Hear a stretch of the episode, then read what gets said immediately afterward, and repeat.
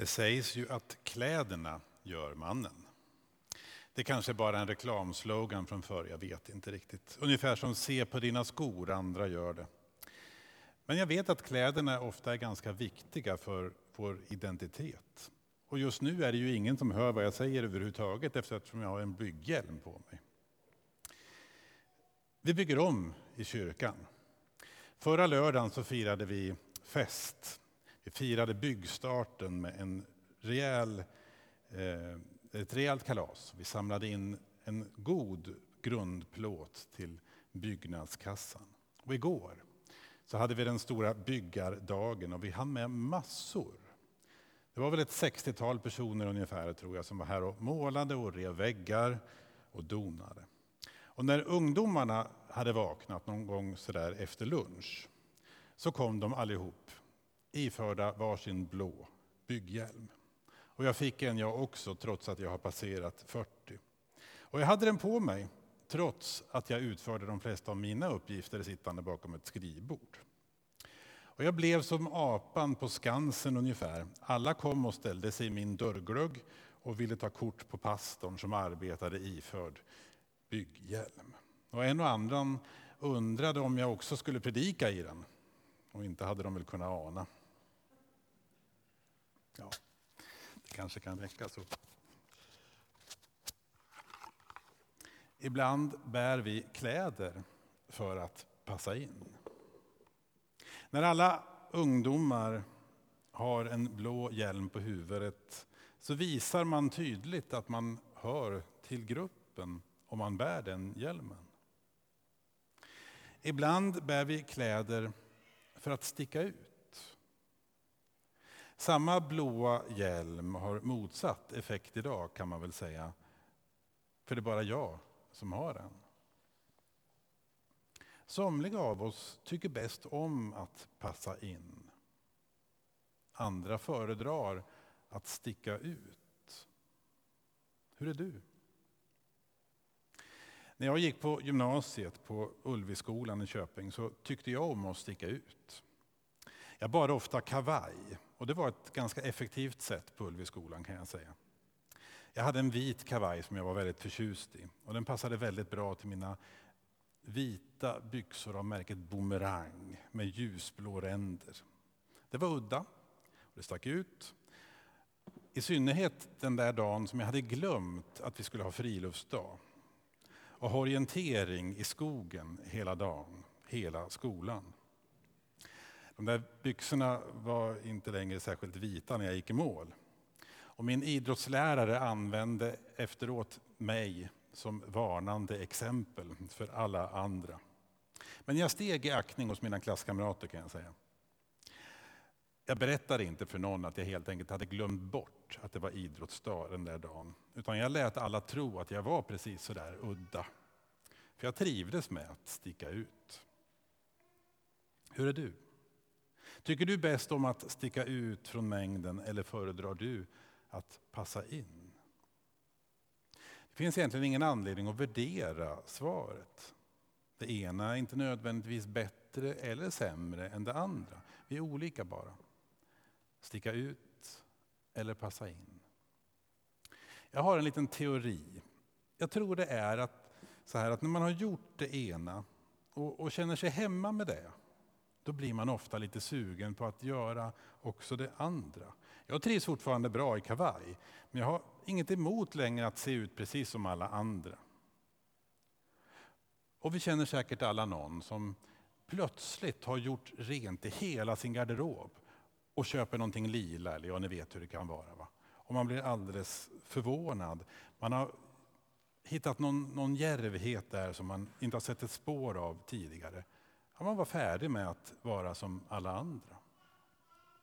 Kläderna gör mannen. Och jag undrar, om Jesus skulle ha kommit till oss här idag för att be oss att bli hans lärjungar, dig och mig. Vad skulle han då ha haft på sig? Vi är väldigt vana att tänka oss Jesus som vi tänker oss honom bildligt så här. Så tänker vi att han var nog iklädd eh, vita tygstycken av något slag. Jag vet inte vad sådana där kläder heter egentligen. Men vitt tyg, mycket tyg. Av någon anledning så tänker vi oss nästan alltid Jesus i vitt. Skulle vi se Jesus filmatiserad och se honom i rött, eller ja, rött är lite speciellt, men blått eller grönt, då skulle vi inte förstå att det var Jesus. Nej, Jesus ska på något sätt ha vita kläder, medan alla runt omkring, ja de har kläder helt naturligt. Sådana som blivit smutsiga av vägdamm och arbete. Men Jesus verkar ha haft något väldigt bra tvättmedel som gör att kläderna liksom aldrig blev smutsiga. Utan efter en lång dagsmarsch på dammiga vägar eller en orientering i skogen så var de fortfarande precis lika vita.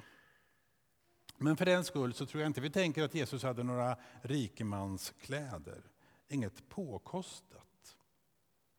Det står väldigt lite egentligen i Bibeln om hur han var klädd. Men när vi läser här i början av Johannes evangeliet så slår författaren fast några saker. Vi började titta på det förra veckan. Han börjar med att säga att Jesus inte var någon vanlig människa. Han fanns före allt annat. Han var Gud själv i mänsklig gestalt, säger Johannes. Men när vi sen fortsätter att läsa och kommer in på det som Olle läste nyss så är det raka motsatsen som står i fokus. Jesus var en man av folket. Och de män som han utsåg till sina lärjungar, ja de var män av folket. Så kallat vanliga människor. Men väldigt snart när vi kommer in i vecka fyra så ser vi att Jesus också hade kontakt med de allra högsta i samhället. Ja, han mötte var och en. Men hans kläder, ja de måste väl ha varit som vem som helst och förmodligen var de inte särskilt vita. Så om det hade varit här idag som han kom till oss för att be oss att bli hans lärjungar, vad skulle han då ha haft för kläder på sig? Är något liknande som du, antar jag. Något liknande som du sätter på dig på måndag morgon, kanske inte nödvändigtvis vad du bär här idag. Han kom från en annan värld men han var en man av folket. Om du läser i boken 100 dagar med Jesus de närmaste tre veckorna så handlar det om vad Jesus ville, vad han hade för ärende, vad han skulle hit och göra. Och det första svaret på frågan läser vi om den här veckan. Han ville möta dig. Det var därför Gud kom till jorden i mänsklig gestalt för att möta dig. De människor som Jesus kallade att följa honom var av alla möjliga slag. Det var vanligt folk och ovanligt. Det var människor som passade in och människor som stack ut. De vi hörde läsas om här är bara några exempel. Ta Andreas till att börja med. Honom har vi talat om ganska mycket i berättelsen om Jesus. Han var en av de närmsta vännerna. Men har du tänkt på att Jesus var inte den första han följde? Han var en av Johannes döparens lärjungar. Men när Jesus kommer till Johannes för att döpas, då blir Andreas väldigt nyfiken. I synnerhet när han hör Johannes tala om vem Jesus egentligen är. Och han bestämmer sig, förmodligen utan särskilt mycket eftertanke, för att följa efter Jesus.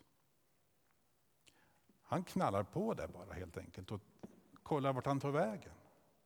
Och Jesus märker att någon skuggar honom och, och vänder sig om och frågar vad vill ni egentligen? För de var två.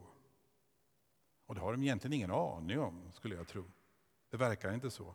För de frågar, eh, var bor du? Om du träffade Jesus, är det det första du skulle fråga? Var bor du? Det är väldigt sällan vi frågar det till någon faktiskt som vi möter. En rätt fånig fråga. Men han hade väckt deras nyfikenhet. Och de visste nog inte riktigt varför, bara att de inte ville att han skulle försvinna ifrån dem. Och han bjuder dem med hem till sig. Och från den dagen så bytte Andreas helt enkelt mästare. Han blev Jesu lärjunge istället för Johannes lärjunge. Så Andreas verkar ha varit en sökare. En som letade efter någonstans att passa in. En som längtade efter något mer i sitt liv. Och han sökte sig vidare tills han fann det. Han var nog lite religiöst lagd, som somliga skulle ha sagt. Det gällde inte alls alla av lärjungarna. Vi hör också talas här om Natanael. Och han är först rätt skeptisk. Nasaret det var ju ingen plats med något stort rykte direkt. Den här Jesus var från en liten by på landet i en avlägsen landsända. Kan det komma något bra från Vilhelmina? Ungefär så. Kan det komma något bra från Skefteruna? Om han ändå hade varit från Jerusalem, eller Rom, eller New York. Nej, Natanael var skeptisk. Och när han trots allt följer med Filippos och får träffa Jesus så påstår Jesus att han redan känner Natanael, att han vet vad Natanael bär i sitt inre. Och Natanael svarar först med fortsatt tveksamhet, hur kan du känna mig? Men Jesus visste var och hur Filippos hade träffat Natanael och det övertygade honom och han trodde. Somliga har lätt att tro, för andra tar det lite längre tid. Somliga hade lätt att bara lämna allt bakom sig och följa honom. För andra var det svårare. Om några veckor så ska vi läsa om Nikodemus. Hur Jesus blir uppsökt mitt i natten av Nikodemus. Han som eh, några år senare är med bland dem som begraver Jesus. Men som det verkar fortfarande är en efterföljare lite i hemlighet. Han ville inte sticka ut. Jag vet inte om du har lätt att tro. Eller om du tycker att det är svårt. Jag vet inte om du tror att det skulle få dig att passa in. Eller om du tror att det skulle få dig att sticka ut. Om du kallar dig själv för en kristen. Men jag vet att Jesus kom hit för din skull. För att få en chans att säga till just dig, följ mig. Ingen av dem kan ju ha tänkt särskilt mycket på saken. De följde med en vän och fick träffa Jesus.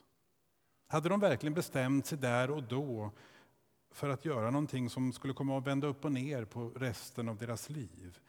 Nej, troligen inte. De var där för att de ville veta mer. Så följ med och se. Följ med och testa Jesus i hundra dagar. Då blir du en del av en större gemenskap. Du passar in. För här passar alla in. Oavsett hur udda du känner dig. Här finns en plats för dig. Och samtidigt så får du mod och kraft att vara dig själv. Och att sticka ut från mängden. Och bli den du är skapad att vara. Den när man passar in, som man kan sticka ut. Det är när man är accepterad och älskad för den man är som man verkligen törs vara den man är. Så kom till Jesus, precis som du är, och var inte rädd. Du kommer inte att förändras ett dugg annat än att du blir den du innerst inne är. Den som du är ämnad att vara. Den som både sticker ut och passar in. Vad ville Jesus? Jo, han kom för att säga till dig, följ mig, följ med och se.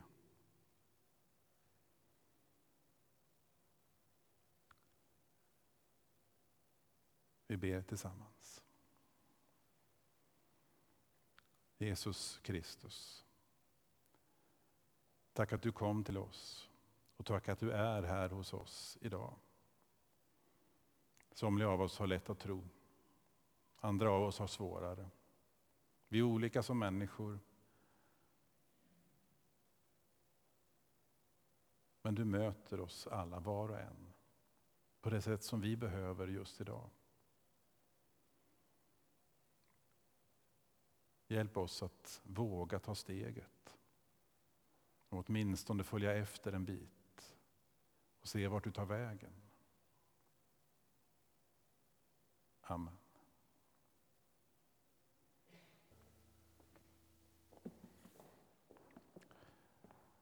Ta så till sist emot Herrens välsignelse.